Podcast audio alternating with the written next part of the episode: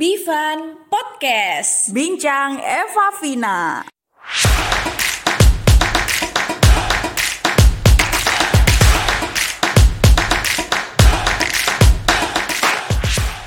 Vina, ke mana aja kita?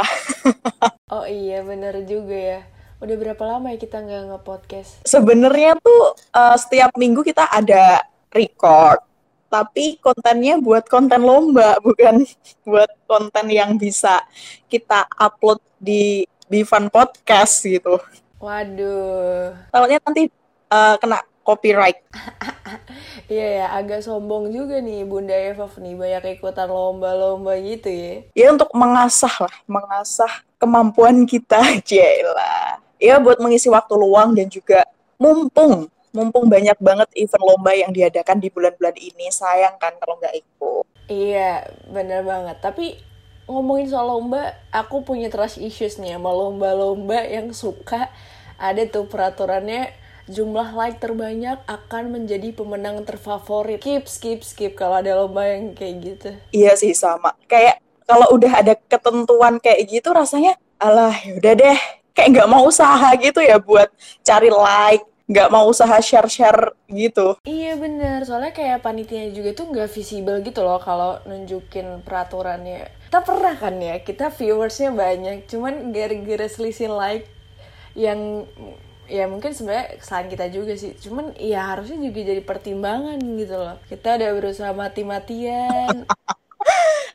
Tapi juga yang nonton konten kita saat itu juga kayaknya agak males ya. Cuma ngeliat doang tapi nge-like-nya lupa ya kayaknya uh, bener-bener tapi ngomongin soal trash issues tuh Eva tau gak sih apa trash issues dan pernah gak sih kamu ngalamin yang namanya trash issues ini? Trust issue, kalau aku sih uh, bener-bener ilmunya, pengertiannya secara harfiah gitu aku nggak paham ya. Cuman secara sederhana yang aku tahu trust issue tuh kayak kurangnya mempercayai sesuatu hal. Menurut aku kayak gitu ya sederhananya. Dan kalau ngomongin trust issue, uh, ada sih pengalaman dari teman aku gitu.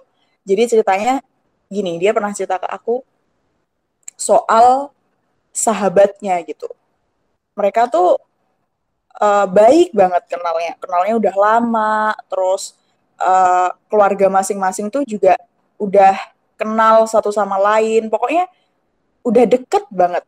Tapi suatu ketika, ketika dipisahkan gitu ya, dipisahkan sama uh, tempat belajar alias waktu itu teman aku kenal sahabatnya itu waktu SMP.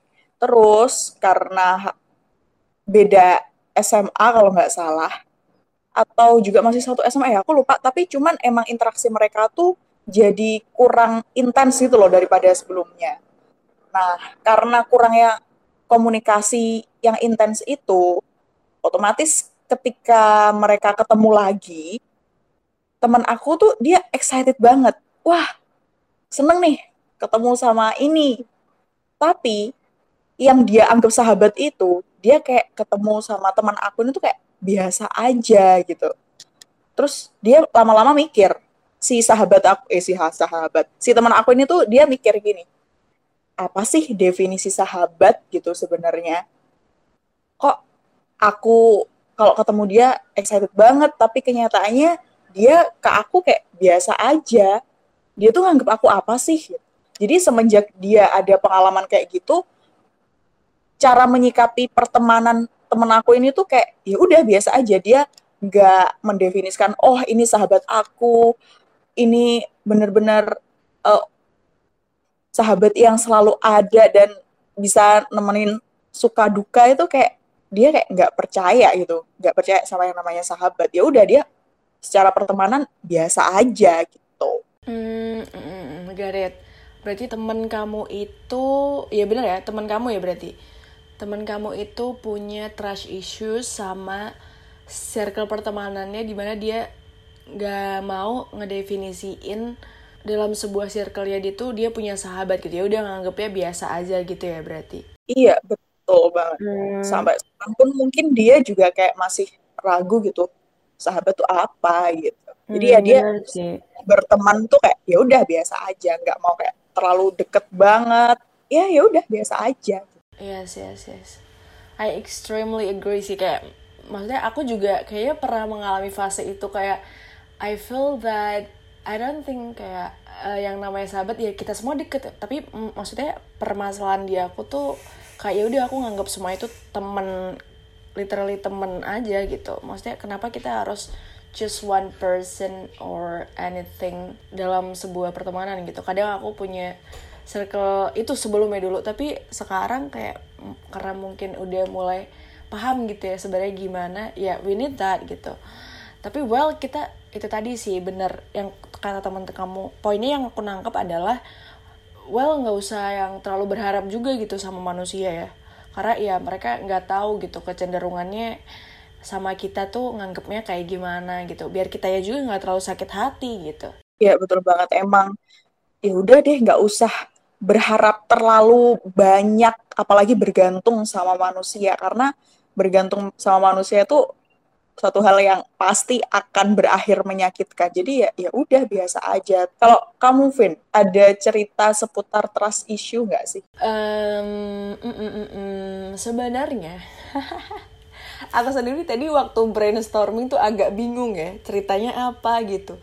Tapi ternyata Evov justru yang inget soal permasalahan trust issues aku gitu.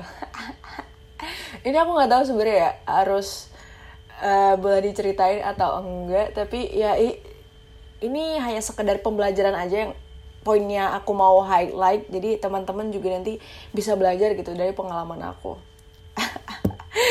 So this uh, little bit. Iya anjir urusan orang ini soalnya. Ya jadi tuh kan ini kan waktu pandemi lalu kayak kita balik ke rumah masing-masing kan dari kosan gitu. Kita istilahnya balik pulang kampung lah ke rumah asal gitu. Nah tapi ada katanya tuh ada bakal ada fase offline gitu. Nah di fase offline itu kayak ada teman aku yang ngajakin Vin yuk kita sekos bareng gitu. Katanya itu akhir Desember tahun lalu tuh Aku inget banget akhir Desember tahun lalu. Sebenernya dari situ aku sebelumnya udah diingetin orang tua aku juga gitu. Iya boleh-boleh aja kalau mau sekos tapi nunggu aja pengumuman resmi dari rektor gitu. Tapi kan ya namanya aku orang yang FOMO ya kadang. Kadang juga panik gitu ntar kalau misalnya nggak dapet kosan gimana gitu. Iya, terus abisnya gitu temen temen aku yang ngajakin tuh bilang, iya ini aku udah nemu nih udah survei kosannya, kamu ting- eh kita tinggal DP aja gitu katanya, terus ya udah tuh, aku masih selalu aja, aku bilang tuh gara-gara orang tua aku bilang kayak nunggu surat edaran direktor kan, aku bilang gimana kalau kita nunggu edaran aja dari rektor gitu, terus temen aku bilang tapi ntar takutnya kita udah nggak bisa gitu nggak bisa booking soalnya udah penuh gitu. Ya udahlah ya. Terus selang hari itu juga pas selang beberapa hari gitu aku aku langsung transfer tuh mumpung ada uang juga kan di di apa m banking gitu. Ya udah aku transfer tuh. Nah tapi ternyata pas pengumuman surat elektornya keluar itu ternyata masih keputusannya online gitu. Jadi nggak jadi nggak jadi offline. Ya udah tuh. Terus ya udah kan kan online. Terus aku bilang aku nanya-nanya tuh sama dia gimana nih? Kan ini jadi on online. Terus uh, DP-nya udah udah udah lo store belum gitu. Ternyata kan belum kan. Terus yaudah aku niatnya mau mau ambil balik gitu ya DP-nya soalnya kan emang lagi ada keperluan juga gitu. Ketepatan ada sesuatu kendala teknikal. Terus abisnya gitu dia dia yang ini kayak awal-awalnya tuh dikontak ya oke gitu. Dia bilangnya uh, ada beberapa alasan yang dia mentions gitu. Tapi terus abisnya gitu lama-lama ah ah, lama-lama lama-lama dia tuh bikin story tapi aku pas wa wa terus gitu nggak nggak tahu ka- karena dia risih apa gimana dia nggak balas tapi dia centang dua dia bikin story juga gitu aneh ya. Orang kalau misalnya emang nggak mau chatan ya blokir blokir aja gitu tapi dia ini anehnya dia tetap bikin story WA, story Instagram gitu dan nggak di hidden juga akunya gitu. Yaudah aku ada trust issues di bagian situnya sih. Iya, gitu jangan ceritanya.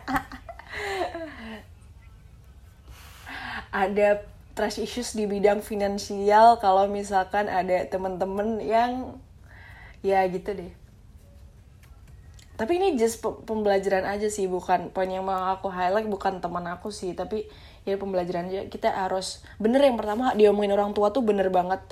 Ya kamu harusnya ya ambil keputusan tuh best cerita dulu sama orang tua gimana nih harusnya gitu. Sumpah kayak dari situ aku langsung bener sih yang diomongin orang tua tuh bener. Terus aku ya juga terlalu kayak terlalu buru-buru ambil keputusan gitu loh. Evov kayak gimana Pap? Kalau menurut kamu cerita aku ya iya sih emang menurut aku juga kayaknya nurut sama orang tua itu juga perlu ya. Apalagi kan itu juga terhitung kita masih baru gitu loh Vin. Kan masa pandemi kita uh, hmm. awal semester 2 masih jadi mahasiswa baru tuh itu. Terus uh, hmm. kayak kenal sama temen kan juga belum kenal-kenal banget gitu loh. Jadi ya emang mungkin terlalu gampang percaya juga nggak bagus ya kayaknya. Emang harus berhati-hati kita bertindak kalau udah hmm. urusan sama uang gitu ya, entah betul, betul, entah modelnya valid. utang atau piutang, pokoknya kalau masalah uang tuh kita juga harus mulai berhati-hati gitu. Bener, riskan banget. Soalnya ya ya namanya finansial ya bun. Gak bakal tanya ini endingnya gimana, karena aku udah tahu endingnya gimana. Tapi uh, ya semoga kamu tidak bertemu dengan orang yang seperti itu lagi. Iya, amin. Semoga Eva juga nggak ketemu ya.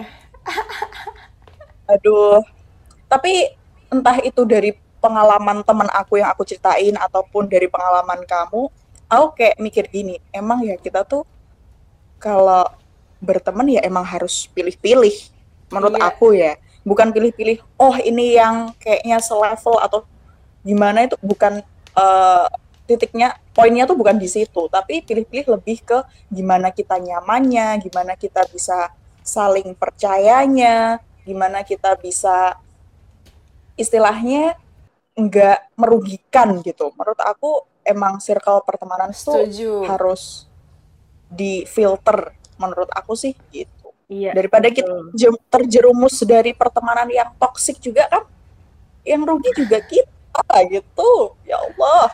Iya betul. Rugi okay. say. Valid sih, valid, valid, valid. Aku juga nangkep pembelajarannya, konklusinya itu sebenarnya ya udah kita dari pengalaman itu kita belajar gitu, kita ngevaluasi lagi, jangan sampai kesalahan yang sama tuh terulang lagi gitu di masa depan. Kita harus lebih apa ya? Sebel think before actions ya gak sih? Kayak berpikir sebelum bertindak. Dan juga intinya adalah ya maafin aja gitu. Ntar juga kalau emang rezeki kita juga bakal balik lagi gitu. Kalau misalkan enggak ya udah gitu. Ya at least kita udah melakukan kebaikan juga sih. Ya aku juga setuju banget.